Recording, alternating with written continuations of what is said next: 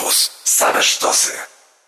Audycja realizowana w ramach projektu Aktywny Student Warszawskiego Instytutu Bankowości we współpracy z Ministerstwem Nauki i Szkolnictwa Wyższego. Trzy grosze o ekonomii.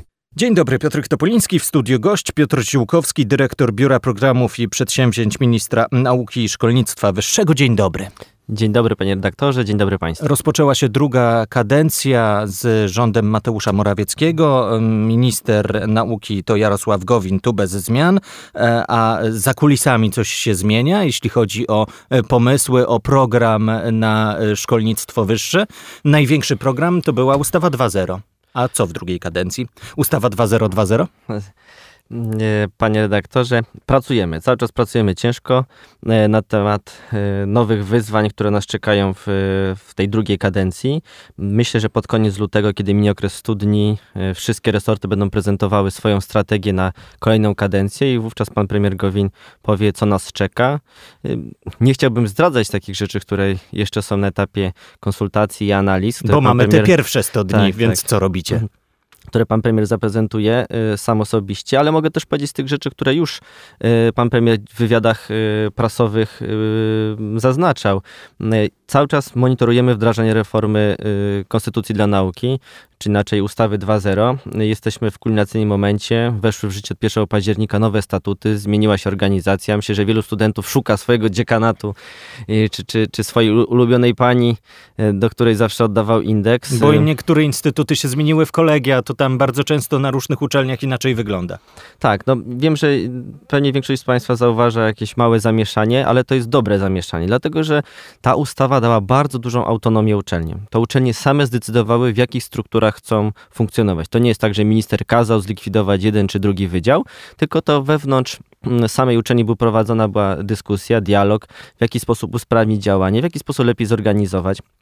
I mamy po raz pierwszy bardzo dużą swobodę organizacyjną, która jest wykorzystywana bardzo różnie przez, yy, przez uczelnie. Są uczelnie, które na przykład jak Uniwersytet Rzeszowski odeszły w ogóle od struktury wydziałowej. Powstały tam kolegia, które mm, są przypisane do dziedzin nauki yy, i w ten sposób rektor zarządza uczelnią. Są uczelnie, które pozostały przy, przy, przy swoich wydziałach, tak jak Uniwersytet Warszawski, albo uczelnie, które stosują bardziej y, macierzową strukturę. Są wydziały, są jeszcze w tym wszystkim instytuty, są yy, albo jakieś e, oddzielne jeszcze kolegia czy inne jednostki organizacyjne, które mają usprawnić e, zarządzanie uczelnią. I to jest niezwykle ważne, bo trzeba na to patrzeć jako na, e, na zarządzanie troszkę jakby firmą, prawda, korporacją, bo nie wiem, czy Państwo wiecie, ale przykładowo Uniwersytet Jagielloński jest największym pracodawcą w Małopolsce. Nie ma większej firmy Ilu niż Uniwersytet tam, tam Jagielloński. Dokładnie nie powiem, bo to okay. też dotyczy wszystkich, prawda, i pracowników administracyjnych, ale według danych właśnie to jest największy pracodawca w regionie i nie tylko w mieście Kraków, ale w całej Małopolsce.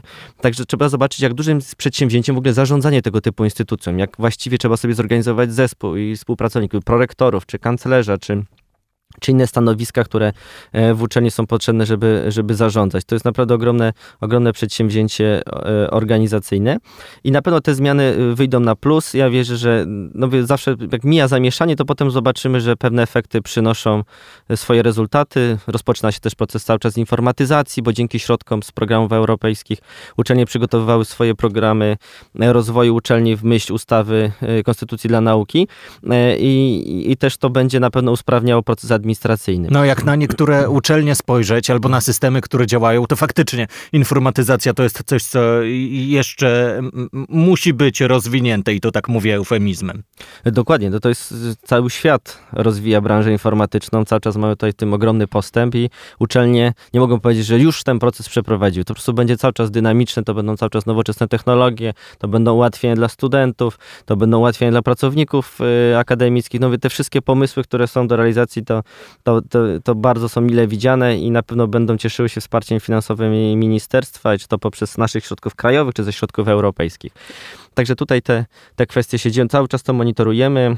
Ruszyły szkoły doktorskie, ruszają nowe kierunki studiów w myśl ustawy. Wyłoniliśmy uczelnie badawcze, to też bardzo ważny, bardzo ważna wiadomość. Mam nadzieję, że tych 10... Czyli 10 uczelni, które otrzymają jeszcze więcej pieniędzy na swoje badania w największym skrócie. Tak, zgodnie z ustawą naszą ten program jest wpisany do ustawy, czyli na 7 lat każda z tych uczelni 10 otrzyma 10% więcej środków rocznie niż do tej pory dostawała. Dla przykładu powiem, Uniwersytet Warszawski ma subwencję z Ministerstwa Nauki na swoją działalność dydaktyczną i naukową w wysokości miliarda złotych. 1 miliard złotych otrzymuje Uniwersytet Warszawski i 10% z tego to jest 100 milionów dodatkowo dla uniwersytetu, więc to daje na pewno dynamiczny rozwój. Można też powiedzieć, ktoś powiedział, bardzo dużo środków pochłania, ale też trzeba przyznać, że to yy, na liście rankingowej, która wyłoniła uczelnie badawcze, Uniwersytet Warszawski miał pierwszą pozycję. Także to na pewno szczere gratulacje dla słuchaczy, studentów, uniwersytet, słuchaczy naszego radia tutaj i Uniwersytetu Warszawskiego,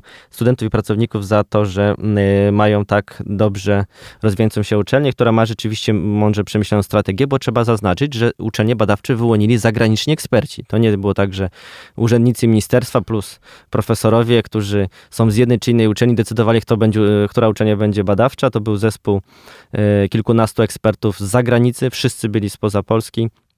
I to oni właśnie y, ułożyli tą listę rankingową.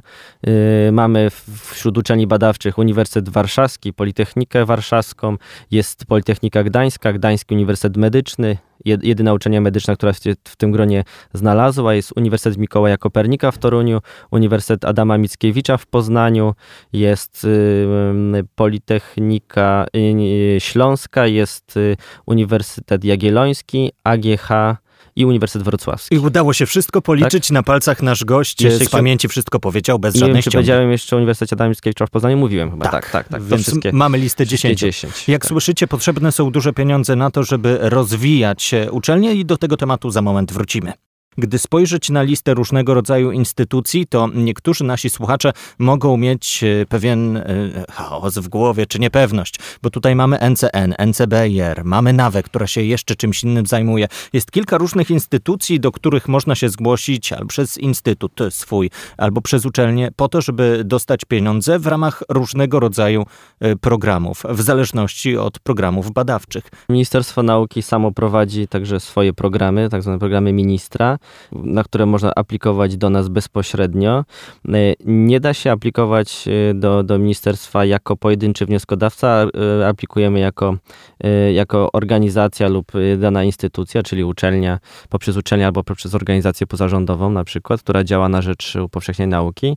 I tu mamy różne inicjatywy typu, w których na przykład mogą być zainteresowani studenci. To jest, mamy anim, animowanie działań w środowisku akademickim, gdzie tutaj właśnie bardzo szeroki spektrum działania dla studentów, e, takich projektów, które rozwijają samorządność studencką, to jest, że to jest ciekawa płaszczyzna. E, uruchamiamy nowe inicjatywy, jak e, w tym roku właśnie już zbieramy, zbieramy zgłoszenia z uczelni do, do projektu Narodowa Reprezentacja Akademicka.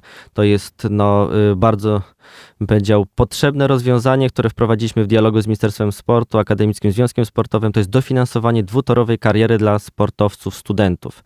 Będziemy jako ministerstwo przekażemy dodatkowe środki dla uczelni, na których kształcą się sportowcy, studenci z najwyższymi klasami sportowymi, to jest A1, A2, jeśli chodzi o przygotowanie olimpijskiego i międzynarodową mistrzowską klasę e, sportową.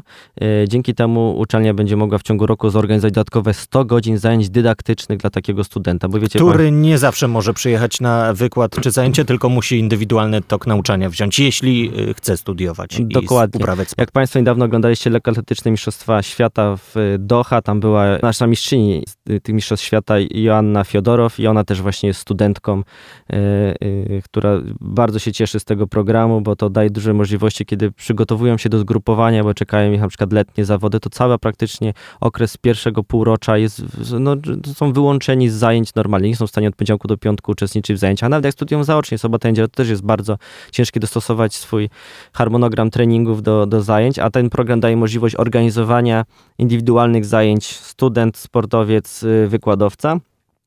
I na to ministerstwo właśnie przeznaczy dodatkowe środki. Szacujemy, że będzie beneficjentów około blisko 500 studentów e, na łączną kwotę dofinansowania do 10 milionów złotych i myślę, że w kolejnych latach będziemy ten program rozwijać, żeby kolejną grupę sportowców objąć tym wsparciem, żeby, żeby studenci, którzy angażują się potem przysparzają nam tak wielu wzruszeń, bo ja jestem osobiście kibicem i zawsze się, tak się śmiałem nawet do tych sportowców, kiedy ogłaszaliśmy program, że, żeby mieli świadomość, że ten program przygotowali kibice dla, dla swoich swoich y, idoli, czyli fani sportowi przygotowali ten program wdzięczności, żeby, żeby mogli się rozwijać nie tylko sportowo, ale też i naukowo, bo kiedyś ta kariera sportowa się kończy, prawda? To jest korki sportowe trzeba zawiesić na haku i trzeba iść do życia. To też jest ciężkie, czasem może być trudniejsze niż te przygotowania, zostać mężem, żoną, iść do pracy, kiedy e, całość życia była pochłonięta działalnością sportową, a, a, a potem życie weryfikuje i mam nadzieję, że ten program naprawdę pomoże naszym sportowcom, studentom w ukończeniu studiów. A o sporcie akademickim rozmawialiśmy niedawno w audycji. Kto słucha podcastu, to zachęcam do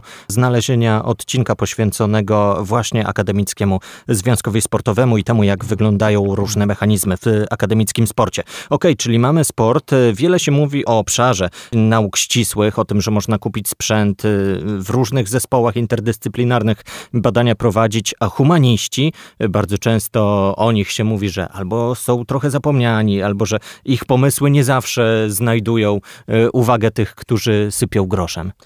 W Ministerstwie Nauki i Szkolnictwa Wyższego mamy program, Narodowy Program Rozwoju Humanistyki, gdzie no, można powiedzieć, że profesjonalne zespoły badawcze y, przygotowują projekty związane z humanistyką i tam też również jest miejsce na to, żeby angażować y, młode osoby do, do, do tych projektów, y, doktorantów czy, czy bardzo zdolnych studentów, ale też Narodowe Centrum Nauki, bo mówiliśmy o tych instytucjach, które jeszcze współpracują Ministerstwo Nauki, a właściwie które nadzoruje, bo to są nasze agencje wykonawcze, to właśnie tam realizowane są programy wsparcia. Jeżeli zachęcam do tego, żeby odwiedzać strony Narodowego Centrum Nauki, bo tam można dowiedzieć się, w jaki sposób przygotować wnioski, do jakich programów według odpowiedniego y, dla nas wieku czy etapu rozwoju naukowego, na jakim jesteśmy, to tam możemy o te środki aplikować. Tam również no, są, y, są wnioski dla profesjonalnych zespołów badawczych i to jest ważne, żeby budować na uczelniach tą relację mistrz-uczeń. Czyli jeżeli y, serdecznie zachęcam każdego, jeżeli profesor zaprasza kogokolwiek do tego, żeby włączyć się w taki zespół badawczy, bo widzi, że macie Państwo predyspozycję do tego, żeby się rozwijać jako naukowiec, to, to angażujcie się w tego typu projekty, bo to czasem może być cenniejsze niż, niż większość zajęć, które na studiach odbyliście, bo uczestniczyć w prawdziwym projekcie badawczym, być specjalistą w jakiejś dziedzinie, to, to, to naprawdę niezwykłe, niezwykłe doświadczenie i można zobaczyć, że kariera naukowa potrafi być, być piękna, że się to też w naszym kraju zmienia, że yy, no też poprzez reformę yy, podkreśliliśmy rolę y, ścieżek y, rozwoju naukowego. To jest ścieżka dydaktyczna, ścieżka badawczo-dydaktyczna, czyli można jednocześnie być nauczycielem akademickim, prowadzić badania, ale także ścieżka badawcza. Mamy programy takie jak doktoraty wdrożeniowe, gdzie y, przy współpracy uczelni i zakładu pracy przygotowujemy projekt rozprawy doktorskiej, prowadzimy badania i poprzez nie, nie tylko, bym powiedział, teoretyczne aspekty, ale konkretne wdrożeniowe, na przykład jakieś zmiany na linii produkcyjnej, czy jakieś rozwiązania systemowe w urzędzie. Także to są też projekty, gdzie angażują się zarówno i humaniści, wbrew pozorom to nie jest tak, że tylko wdrożeniowcy to są inżynierowie, ale naprawdę osoby z nauki społecznych, humanistycznych także mogą przygotowywać e, tutaj projekt w ramach doktoratów e, wdrożeniowych. I wdrożeniowy doktorat jest takim też praktycznym y, przykładem tego, jak nauka zmienia często lokalne społeczności czy lokalne firmy. Mówiliśmy o różnego rodzaju programach, e, o których moglibyśmy mówić godzinami, ale czas nam nie pozwala, dlatego spróbujmy przejść teraz do takiego praktycznego może poradnika, co zrobić, jeśli jesteśmy zainteresowani jakimś programem. Mówiliśmy już o NCN-ie, o NCBR-ze, które to ogłaszają co jakiś czas, że na przykład spośród tysiąca projektów 300 dostało pieniądze na. No i tutaj mamy różnego rodzaju wyposażenie albo projekty naukowe itd., tak itd., tak no ale zanim ogłoszony zostanie finał konkursu i zanim dowiemy się, kto dostanie dostanie pieniądze, no to trzeba wypełnić bardzo często e, żmudny wniosek, e, żmudnie wniosek o dotację. Trzeba wypełnić e, informacje o uczestnikach. To wy wiecie więcej, dlaczego tyle rzeczy pytacie i co trzeba zrobić. Tak jak powiedział pan redaktor, to nie jest proste.